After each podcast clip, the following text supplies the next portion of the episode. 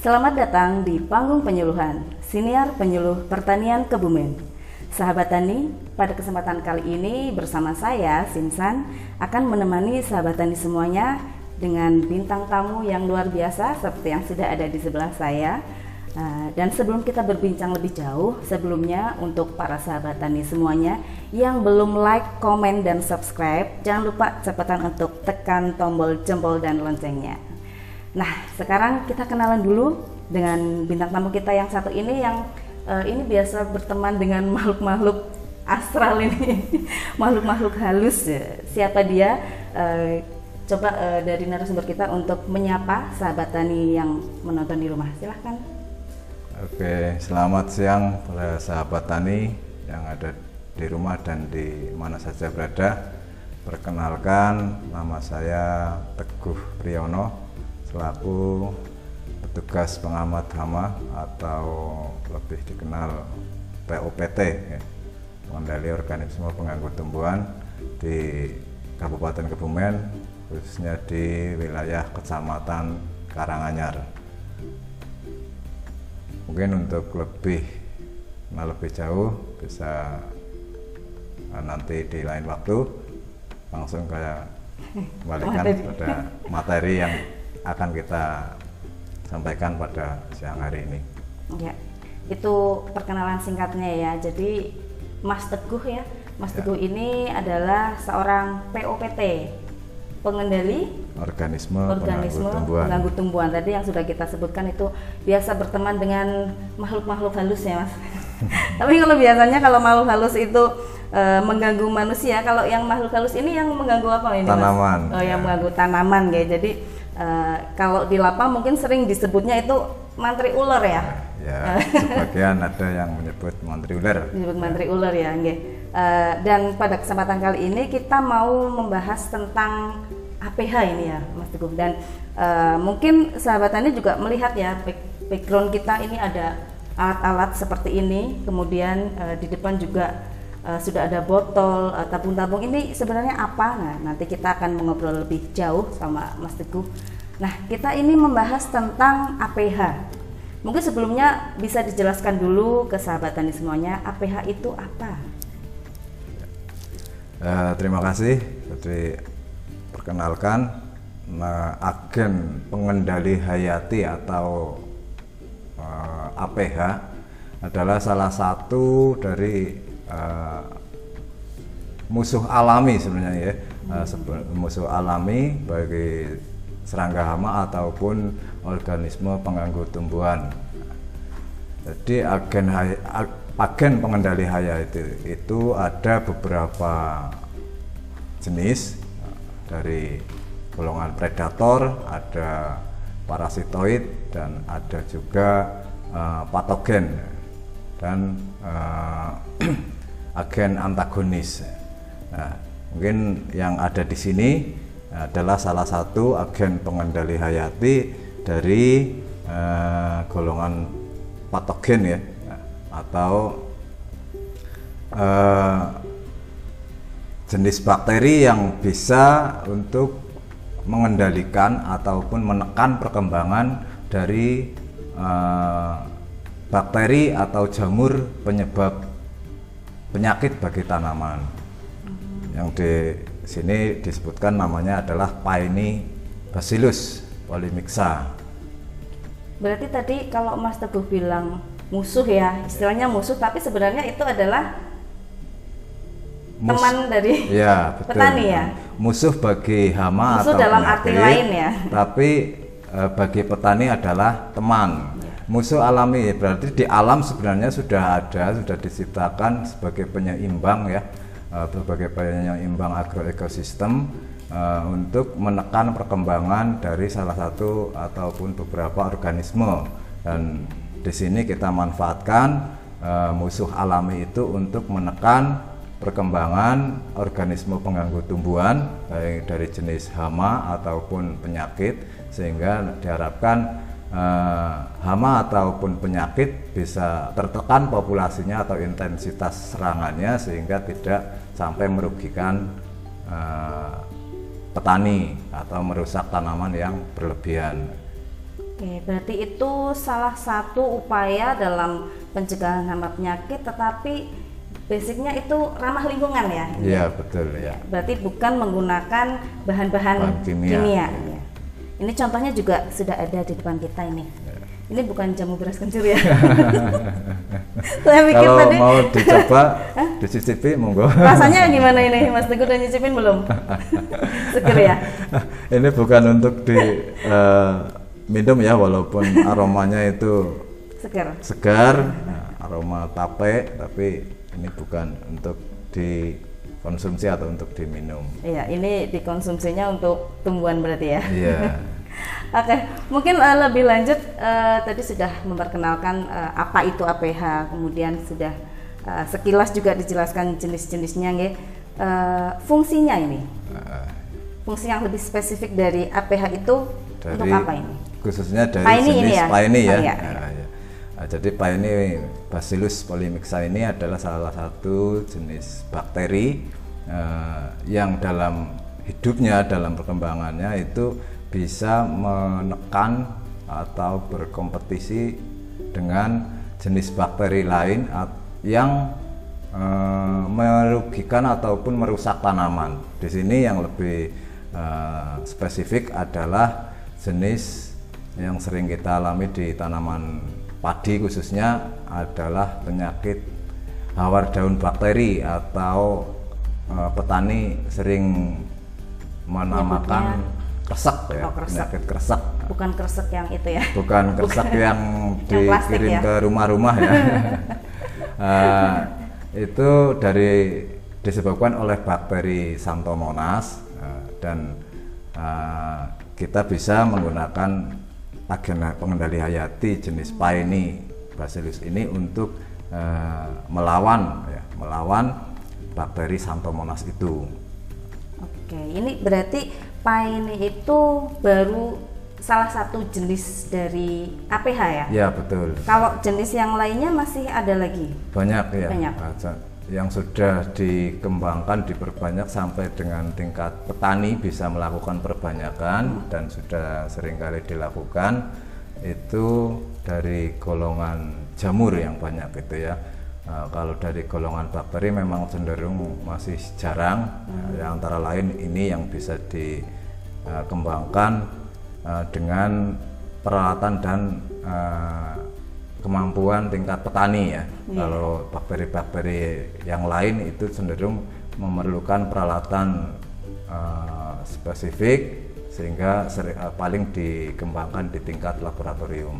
Kalau yang di tingkat petani dari jenis bakteri eh, sementara ini adalah Paeonibacillus ini. Kemudian dari jenis jamur itu cukup banyak, ada Biveria bassiana, ada Trichoderma, ada Metarhizium.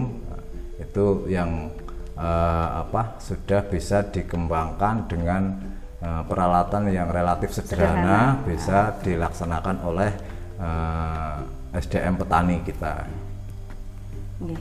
Berarti sebenarnya banyak potensi yang bisa dimanfaatkan di lingkungan sekitar ya. Cuma Betul, ya. mungkin masih banyak juga petani yang belum memahami dan kalau yang kita lihat di sini tuh memang eh, ada alat-alatnya dan Iya. ini kalau alat-alat seperti ini eh, apakah petani misalkan secara swadaya bisa mengusahakan atau memang ini ada sebuah kegiatan gitu, Mas Teguh? Ya betul. Eh, ini memang peralatan yang dibuat ini namanya fermentor, ya. Fermentor. alat untuk menfermentasi. Kalau ini alat fermentasi yang cukup lumayan besar ya, kapasitasnya bisa 100 liter atau lebih, eh, tergantung nanti drum yang kita gunakan eh, dengan aerator yang cukup besar. Nah, sedangkan untuk tingkat petani skala kecil itu bisa sebenarnya dengan aerator yang lebih kecil dengan eh, apa alat media yang lebih kecil juga biasanya eh, kita gunakan dengan galon itu ya. Nah, itu yang relatif lebih kecil dan biayanya lebih murah. Tapi kebetulan karena ini mendapatkan alokasi kegiatan dari Direktorat Perlindungan Tanaman Pangan eh, yang me- nama kegiatannya adalah eh, P4 ya, tapi P4. bukan P4 yang dulu di atas atap ya. Ya, kalau Apa dulu itu? yang di atas atap itu kan pedoman Oh, pengamalan yang- dan pengayatan yang sekolah ya, penghayatan zaman- dan pengamalan Pancasila ya. Sampai lupa sekolah, ya. sampai lupa. sampai lupa singkatannya itu apa kepanjangannya. Nah, P4 ini di sini adalah pemberdayaan petani dalam pemasyarakatan PHT. Pemberdayaan petani Dalam dalam, pemasyarakatan PHT. PHT, PHT ini apa ini? PHT adalah pengendalian hama terpadu. Nah, suatu konsep pengendalian hama dan penyakit yang secara eh, sinergis dari beberapa cara dilakukan secara eh, sinergi sehingga eh, diharapkan eh, bisa lebih efisien, lebih efektif dan lebih ramah lingkungan. Hmm, Oke, berarti ini yang ada di sini eh, sebenarnya paket paket kegiatan. Betul ya. Paket Nah, jadi dari kegiatan P4 ini pemerintah mengalokasikan anggaran yang digunakan untuk dibelanjakan eh, peralatan dan bahan khususnya untuk pengembangan agen hayati. Nah itu eh, kita buatkan eh, fermentor yang cukup besar. Harapannya nanti bisa memproduksi dalam jumlah yang mencukupi paling tidak untuk desa ini eh, seluas paling tidak 25 hektar ya eh, untuk lokasi kegiatan pada eh, kegiatan P4 ini. Ini kelompok taninya di mana ini, Mas? Oh, belum dikenalkan. Boleh dipromosikan ya. Oh, iya, iya. Karena mungkin nanti ke depan juga ada Jadi rencana tahun- untuk Ah, memproduksi ya. Tahun ini kebetulan di Kabupaten Kebumen itu hanya ada satu kelompok tani yang mendapatkan alokasi kegiatan ini dan hanya eh, empat kelompok tani di wilayah laboratorium wilayah Kedu. Berarti satu Ya, kabupaten Kebumen hanya, Hanya, satu, satu kelompok, kelompok saja. tani di kelompok tani Mekarsari, Desa Wonorejo, Kecamatan Karanganyar. Oke, dicatat. kelompok tani Mekarsari, Desa Wonorejo, Wonorejo, Kecamatan, Kecamatan Karanganyar. Karanganyar. Jadi mungkin eh, ke depannya kalau sudah memproduksi, jadi Iya. kan sahabat tani yang eh, membutuhkan bisa langsung menghubungi kelompok taninya ya. ini. Iya. Mudah-mudahan harapannya nanti kelompok tani termotivasi ya dengan peralatan yang sudah cukup memadai, eh, sudah cukup komplit untuk pengembangan agen hayati. Eh, harapannya nanti bisa eh, dimanfaatkan baik oleh anggota kelompok tani sendiri maupun kelompok kelompok tani kelompok tani yang lain di sekitar wilayah Desa Wonorejo ini. Ya, oke. Terus ini aku penasaran untuk cara perbanyakannya ini gimana ini Mas Teguh?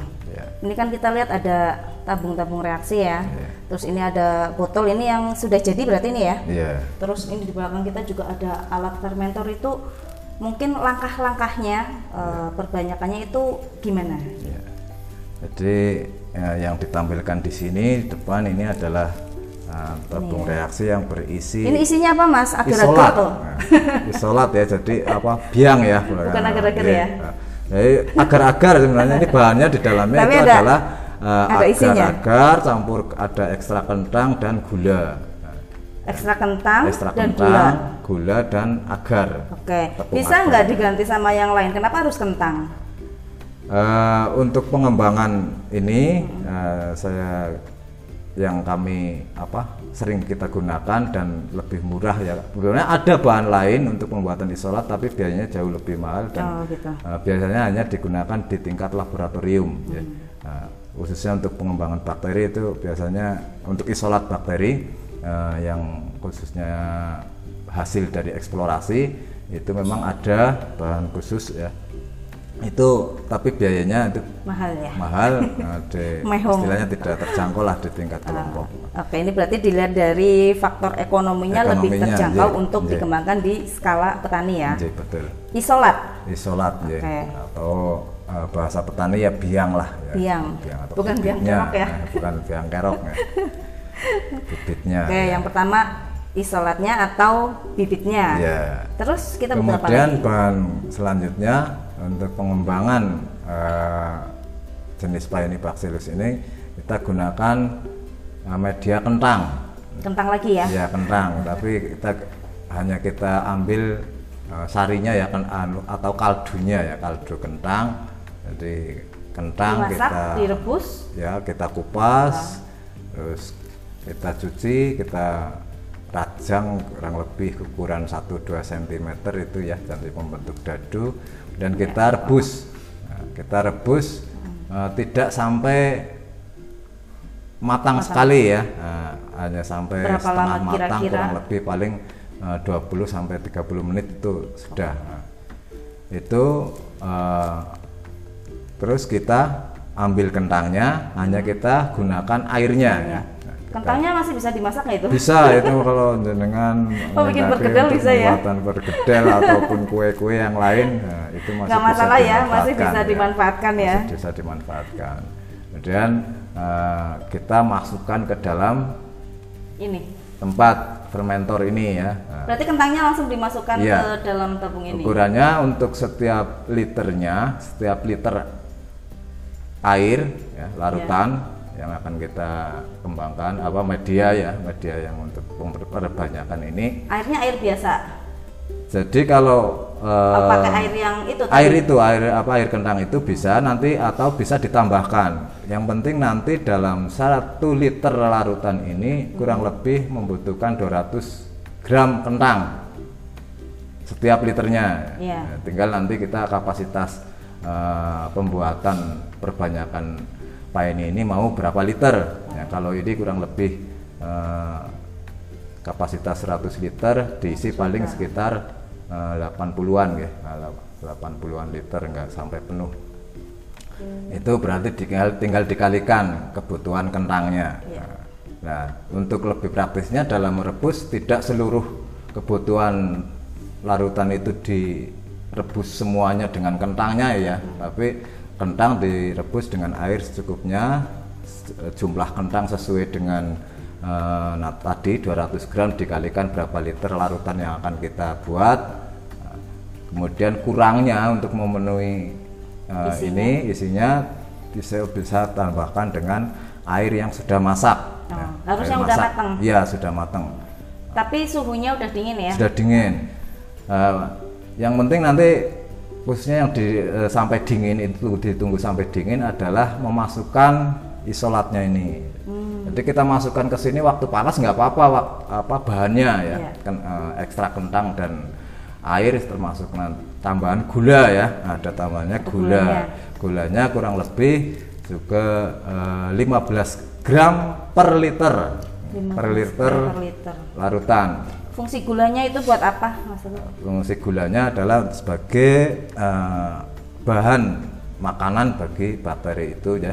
Makan pertama yang istilahnya kalau bahasa kita itu lebih mudah dicerna. Nah, tapi paling mudah dicerna itu adalah eh, zat gula glukosa ya kita gunakan gula kurang lebih 15 gram per liter. Nah, tergantung nanti larutan Tinggal dikali ya, Iya, misalkan berapa dikali. liter tinggal dikali 15 Kalau gram. Misalnya kita dalam skala kecil dengan menggunakan galon ya, galon air mineral misalnya itu kan paling kapasitas 19 liter, nah, 19, kita isi 20 paling sekitar 15 sampai 16 liter saja. Jadi jangan sampai Jangan diisi penuh. nggih, karena itu nanti untuk eh, aerasinya ya.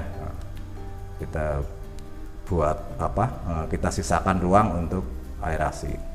Terus habis itu dicicilnya Nah, apa gimana? setelah eh, jadi ma- dimasukkan di sini kan masih panas nggak apa-apa ya. Iya. Nah, dimasukkan di sini masih panas, kondisi masih panas nggak apa-apa. Kita tunggu sampai dingin. Kita tunggu sampai dingin. Isolatnya belum baru masuk ya? belum, Belum. baru kita masukkan isolatnya. Cara memasukkan isolatnya ini sebaiknya juga eh, apa? Kita inokulasinya itu di dalam ruang tertutup di eh, kotak, Di kotak, inkas kotak gitu ajaib ya. Eh, kotak ajaib. Nah, Di sebelah kotak sana ya itu inkas nanti- yang sudah disterilisasikan. Itu ada kelengkapan kotak inkas dan apa eh, lampu UV-nya untuk sterilisasi. Nanti bisa di shoot di sebelah sana. Iya. Nah, sebaiknya itu juga inokulasi, inokulasi itu di dalam eh, kotak inkas. Jadi kita masukkan steril dulu, ya iya, betul di kondisinya. apa eh, pakai wadah yang lebih kecil lah ya. Nah, wadah yang lebih kecil kita bawa ke eh, kotak inkas di dalam eh, kita masukkan ke air itu baru kita tuangkan di sini.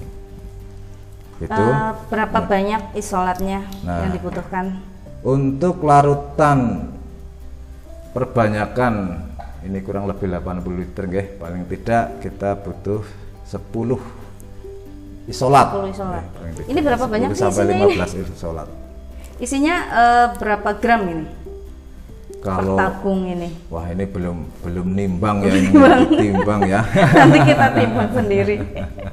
10 Ya. 10 tabung, tapi Ya, udah ada ya. standarnya ya, isinya banyaknya eh, segini lah. Ya, kurang lebihnya untuk ukuran tabung sebesar ini Mm-hmm. ya, sebesar ini itu untuk pembuatan eh, kurang lebih berarti lima tiga li, lima literan ya satu satu ini Satu ini untuk satu lima ini liter. paling eh, lima liter lima liter larutan perbanyakan atau media Oke, tadi berarti setelah dingin isolatnya dimasukkan. Ya. Terus langkah selanjutnya Kemudian kita lakukan fermentasi ya, dengan memasukkan udara yang sudah eh, steril dengan cara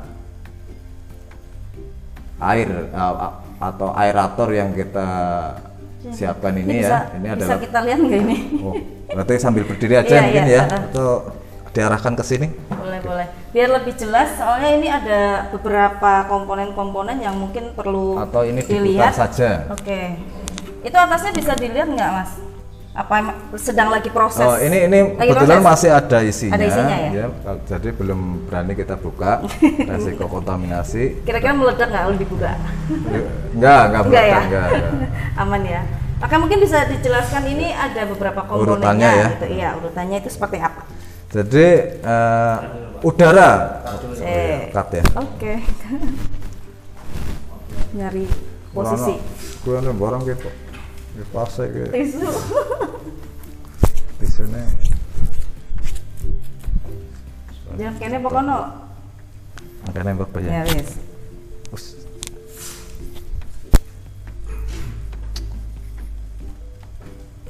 Nengar petani besi, dedek kayak nengar kamera malah lebih dedek sebenarnya ya.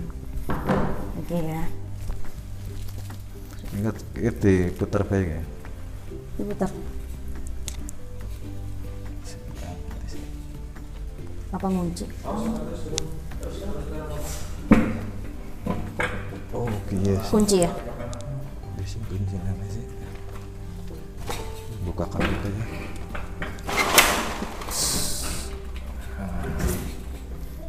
Nah, ini lebih jelas. terakhir makanya apa maksudnya terakhir Iya aku terakhir sih apa kayak petani penutup apa? penutup Petani kenalnya oh ya.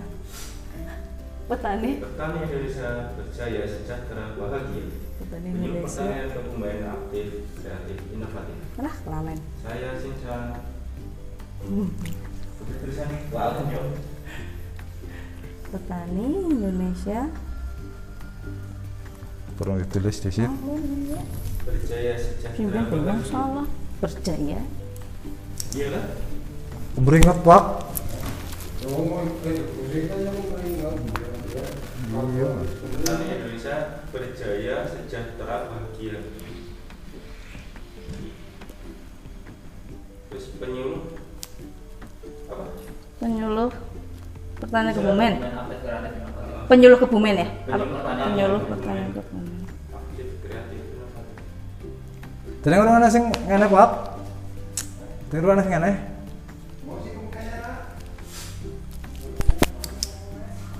Saya bla bla bla bla menutup. Ya, menurut gue sih nurus ada apa nggak sih? Dia sih kudu ngapa? Oh iya. Aduh. Oke. Oke. Nah, Ya aku sih siapa loro? sampai klikan taruh Siji apa loro? Masuk siji apa loro? Ya mau Mas Teguh ya? Ayo, bebas.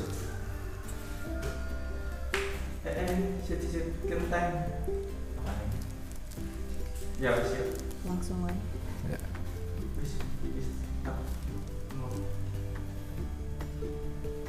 Ini Yes.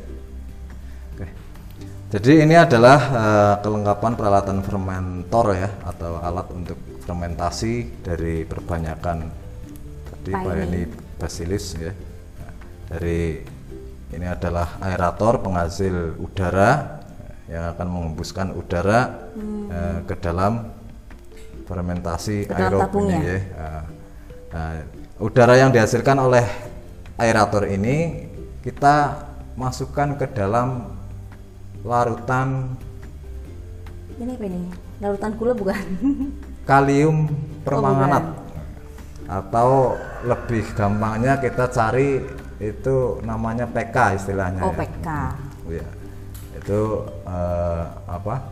Untuk membersihkan atau Udara yang mensterilkan udara yang dihasilkan dari aerator ini. Masuk ke dalam larutan PK sehingga nanti udara yang keluar dari sini diharapkan sudah bebas dari eh, bakteri Steril ataupun ya, ya jamur yang bisa eh, merusak dari perbanyakan bakteri yang kita kembangkan ini. Kemudian dari larutan PK ini udara juga masih disaring karena dia dikhawatirkan nanti eh, larutan PK ini masih ada yang ikut ya. Masih ada Ikut penyusupnya. nah, ya, ada- ada- masih ada yang ikut Nah, karena larutan PK ini juga membunuh bakteri. Nah, nanti kalau eh, ini uapnya ya masih masuk ke sini lang- secara langsung itu juga nanti akan Merusak eh, ya nanti merusak ya. bakteri yang kita kembangkan. Jadi harus kita saring dulu ya, dengan apa kapas atau glass Busa. ini ya, busa supaya udara benar-benar tersaring. Nah, baru kita masukkan ke dalam Tabung eh, drum drumnya. ya yang media perbanyakan Oke, berarti penyaringannya dua kali ini ya tadi Iya. udaranya. udaranya disaring dibersihkan dulu dengan larutan kalium permanganat ini kemudian kita saring dengan busa agar tidak larutan PK ini Oh, tidak iya. ikut masuk ke dalam eh, media perbanyakan dan ini adalah sebagai eh, apa gas buangnya ya atau udara Oh, hasil pembuangannya. pembuangannya. Nah, pembuangan dari sana kita keluarkan di sini sehingga harapannya udara dari sini tidak ikut masuk ya Nah, kita uh, filter dengan air Nah, air ya, Air biasa. matang ya air masak yang air yang sudah masak itu ini kita lakukan fermentasi eh, selama 12 sampai 14 hari Oh cukup lama ya, Ya, hampir dua lama. minggu berarti fermentasinya. dua minggu ya optimal sampai dengan 14 hari baru kita eh, selesai proses fermentasi ini juga setelah sebelum apa eh, fermentasi ini berlanjut setelah kita operasionalkan mungkin eh, bisa di, langsung dipraktekkan mbak dicolokkan ya Colokannya mana ini? ya.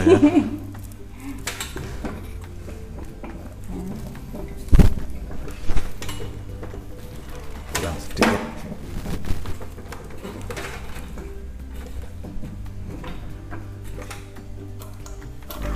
Nah,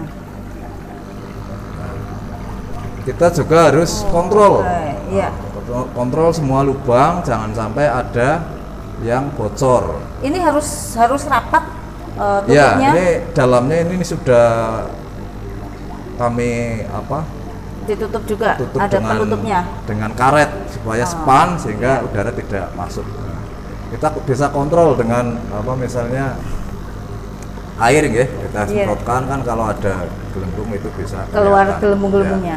Ya. Dan Ya. ini Terus setiap setelah- sambungan itu juga harus kita kontrol jangan sampai ada kebocoran. ini ada lemnya ya.